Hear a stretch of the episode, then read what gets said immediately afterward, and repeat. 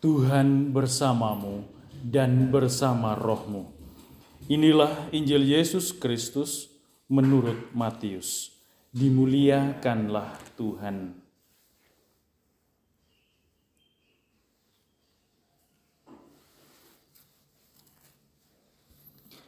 Sekali peristiwa, Yesus bersabda kepada orang banyak, "Hal kerajaan surga itu seumpama pukat yang dilabuhkan di laut, lalu mengumpulkan pelbagai jenis ikan. Setelah penuh, pukat itu ditarik orang ke pantai, lalu mereka duduk dan dipilihlah ikan-ikan itu. Ikan yang baik dikumpulkan ke dalam pasu, yang buruk dibuang. Demikianlah juga pada akhir zaman. Malaikat-malaikat akan datang memisahkan orang jahat dari orang benar yang jahat, lalu mereka campakkan ke dalam dapur api. Di sana akan ada ratapan dan kerta gigi. Mengertikah kalian akan hal ini? Orang-orang menjawab, "Ya, kami mengerti." Maka bersabdalah Yesus kepada mereka, "Karena itu, setiap ahli Taurat yang menerima pelajaran hal tentang kerajaan surga, Seumpama seorang tuan rumah yang mengeluarkan harta yang baru dan yang lama dari perbendaharaannya. Setelah selesai menyampaikan perumpamaan itu, Yesus pergi dari sana.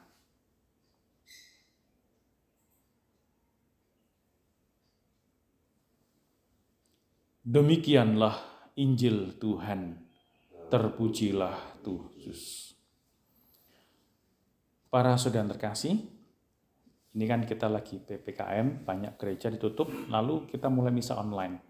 Dalam misa online biasa digunakan kamera. Ada yang satu kamera, ada beberapa kamera. Nah, saya ingin tunjukkan sesuatu.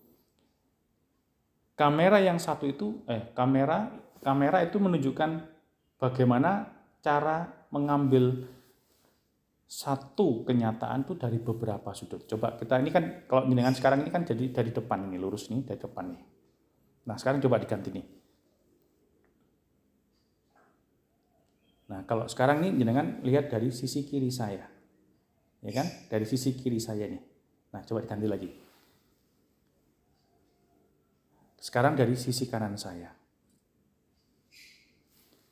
Apakah ketiga kamera ini menyorot orang yang berbeda? Sama. Tetapi dari sudut pandang yang berbeda. Depan, kiri, kanan. Yesus menggunakan banyak perumpamaan untuk menunjukkan sisi sudut pandang tentang kerajaan Allah. Kalau dari sisi sini sini lebih jelas, misalkan ya, ini lebih jelas nih. Tangan saya kelihatan lebih gede, wajah saya lebih, lebih gede. Kalau dari sisi sana, lebih jauh. Orang bisa melihat di depan lebih luas sekitar saya ini ada. Sama dengan perumpamaan-perumpamaan tentang kerajaan Allah. Kita diajak untuk melihat lebih detail, lebih kecil, lebih luas sedikit, lebih luas lagi tentang kemarin lalang dan gandum, tentang kemarin harta yang itu kan fokus tuh. Harta yang terpendam. Mutiara yang berharga. Sekarang lah pukat. Ini kan lebih jauh nih lebih luas. Pukat yang ditebarkan. Pada saat itu orang pukat tuh nggak hanya milih wah ini ikannya jelek ditinggalkan. Enggak semua dijaring. Semua diberi kesempatan untuk masuk dalam jaring tetapi pada saat orang sudah masuk dalam jaring, nanti Tuhan akan memilih. Nah, dalam rangka menunggu kita dipukat tadi itu, di jaring tadi kita diberi kesempatan hidup.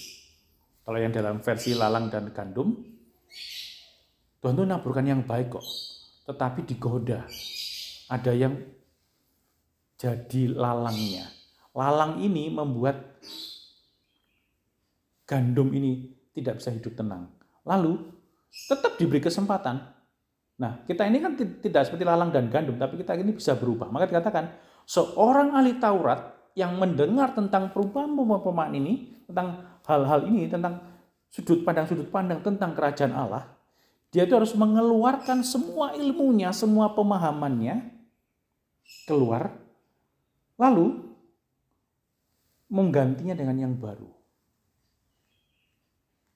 Jadi kita dengan Yesus datang, itu kita diberi pemahaman yang baru. Tuhan tidak, ada, tidak, tidak hanya maha kuasa, tetapi dia dekat dengan kita. Allah itu mau berbicara dengan kita, mau dekat dengan kita. Tuhan tidak meninggalkan kita, bahkan dia mau sengsara bersama dengan kita. Tuhan itu Tuhan adalah Tuhan yang mau turun berjalan bersama kita, mau sakit bersama dengan kita, mau susah bersama dengan kita, mau menemani kita pada saat kita sedang berat-beratnya hidup. Sedang nangis, Tuhan pun nangis.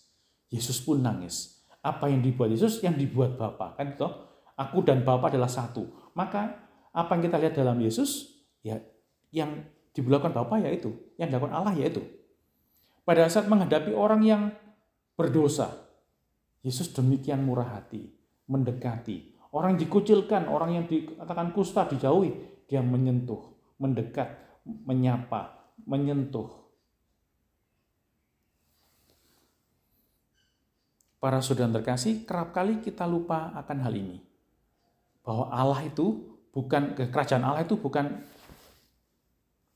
diam, bergerak mencari. Kerajaan Allah itu Allah yang sedang bekerja, beraktivitas. Yesus kan ditunjukkan dalam diri Yesus.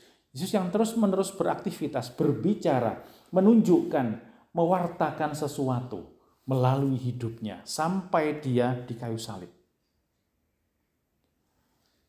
Jadi mari kita dalam perikop tadi kan, mengertikah kamu akan hal itu?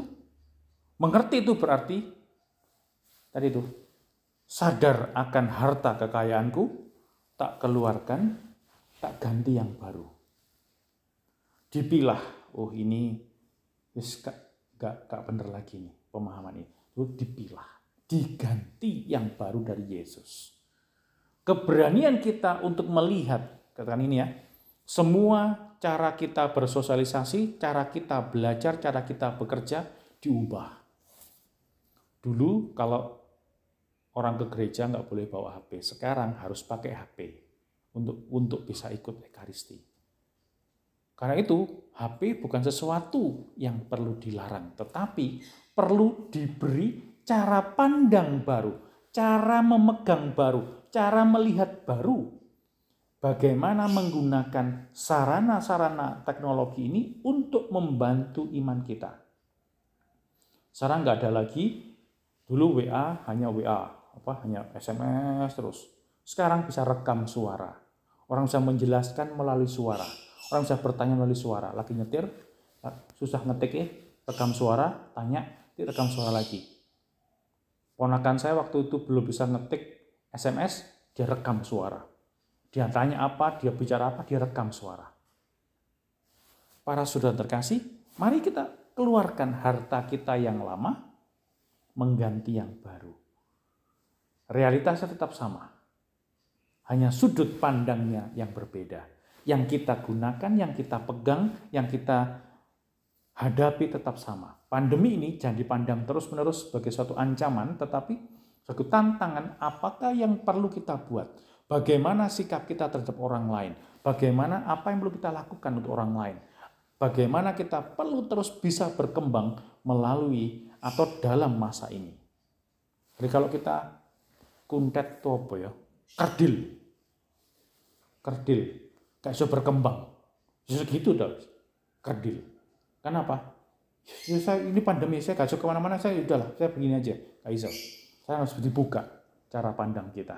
Memang gak bisa ke mana-mana, tetapi manusia punya pikiran yang sangat luas, yang bisa mengembangkan diri meskipun dalam keadaan terjepit. Nah, coba sekarang kita merenung kalau dalam hidup keluarga kita ini dalam banyak kesulitan, itu kan satu situasi yang membelenggu. Apakah aku berani meloncat keluar? pikirannya. Meskipun fisiknya tetap situ, nggak mau nggak mau harus tetap situ. Ya keluar orang, duh ini keluargaku, papaku ini marah-marah terus, mamaku ini nggak pernah terima papaku, aku ini dimuarai terus.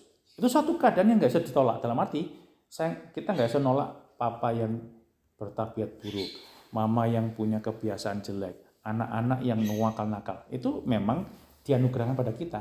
Itu kan satu keadaan yang tidak bisa diubah. Sama yang pandemi kan sama. Nah sekarang bagaimana aku melihat ini bukan sebagai halangan. Kalau kita melihat halangan, kita membandingkan dengan yang lain. Enak ya, yang itu anaknya nurut-nurut, suaminya open, istrinya begitu, mamanya begitu. Enak, itu kan dibandingkan. Nah sekarang keadaan keluargaku, keadaan diriku ya begini, mampukah ini dikembangkan? Lalu kita menjadi ikan-ikan nanti yang siap untuk yang baik menjadi berkembang menjadi ikan yang baik, berkembang menjadi tanah yang baik. Nah, coba sekarang kita merenung sejenak.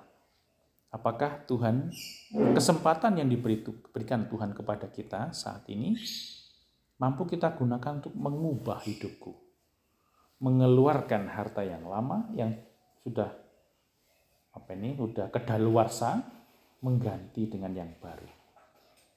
Kita belajar melihat satu persoalan yang menyulitkan kita dari sudut pandang yang lain, dari kamera, dari sisi yang lain. Coba kita renungkan sejenak. Semoga hari ini kita mampu melihat Tuhan yang hadir dalam sisi kamera yang lain, dalam sisi sudut pandang yang lain, sehingga kita bisa melihat Tuhan hadir juga dalam kesulitan-kesulitanku saat ini.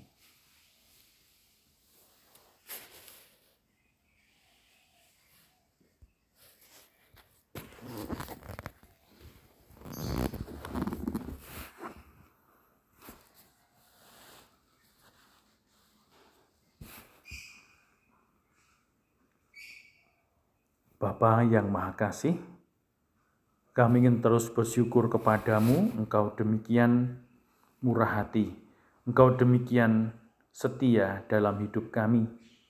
Kami ingin mempersembahkan Saudara Yohanes dan Maria yang memohon rahmat penyertaan kasih-Mu, rahmat pengharapan dalam hidup mereka, agar dalam apa pun yang sedang mereka jalani, iman mereka kau teguhkan, iman mereka kau kuatkan, iman mereka kau tambah. Sehingga peristiwa-peristiwa yang harus mereka jalani setiap hari tidak menghalangi mereka untuk semakin dekat satu sama lain, untuk semakin mengenal kegembiraan yang kau anugerahkan, yang sedang kau berikan dalam hidup mereka. Kuatkanlah mereka ya Bapa dalam iman, harapan, dan kasih. Ke dalam naungan kasihmu kami persembahkan saudara-saudari kami yang telah kau panggil menghadap kepadamu. Terutama saudari kami, Suster Anna Mari, Sang Timur, Bapak Agus Yopi, Ibu Marta Sri Supangatun, dan Bapak Immanuel Kus Hartanto, serta Ibu Eliana Iskandar. Bapak, mereka telah hidup bersama dengan kami, berbagi kasih dan kegembiraan setiap hari. Kini kami percaya Engkau tidak menghilangkan mereka, tetapi memanggil mereka masuk ke dalam hadiratmu. Berkenanlah mengampuni dosa-dosa mereka, dan berkenanlah pula menjadikan mereka sebagai pendoa bagi keluarga dan kami semua. Semoga hidup mereka kini yang bersama dengan Engkau menghantarkan rahmat-rahmat bagi kami semua yang masih harus berjuang di dunia ini. Ke dalam naungan kasih-Mu ya Bapa, kami persembahkan hidup mereka dan hidup saudara-saudari kami yang hingga saat ini sedang berbeban berat, terutama yang terdampak karena pandemi ini dan mereka semua yang terpapar COVID-19. Bantulah mereka melihat Engkau yang hadir, dan biarlah rahmat kesembuhan dan kekuatan Kau anugerahkan seturut dengan kehendakmu. Ke dalam naungan kasih-Mu ya Bapa, kami persembahkan hidup kami hari ini, demi Kristus Tuhan dan pengantara kami. Amin.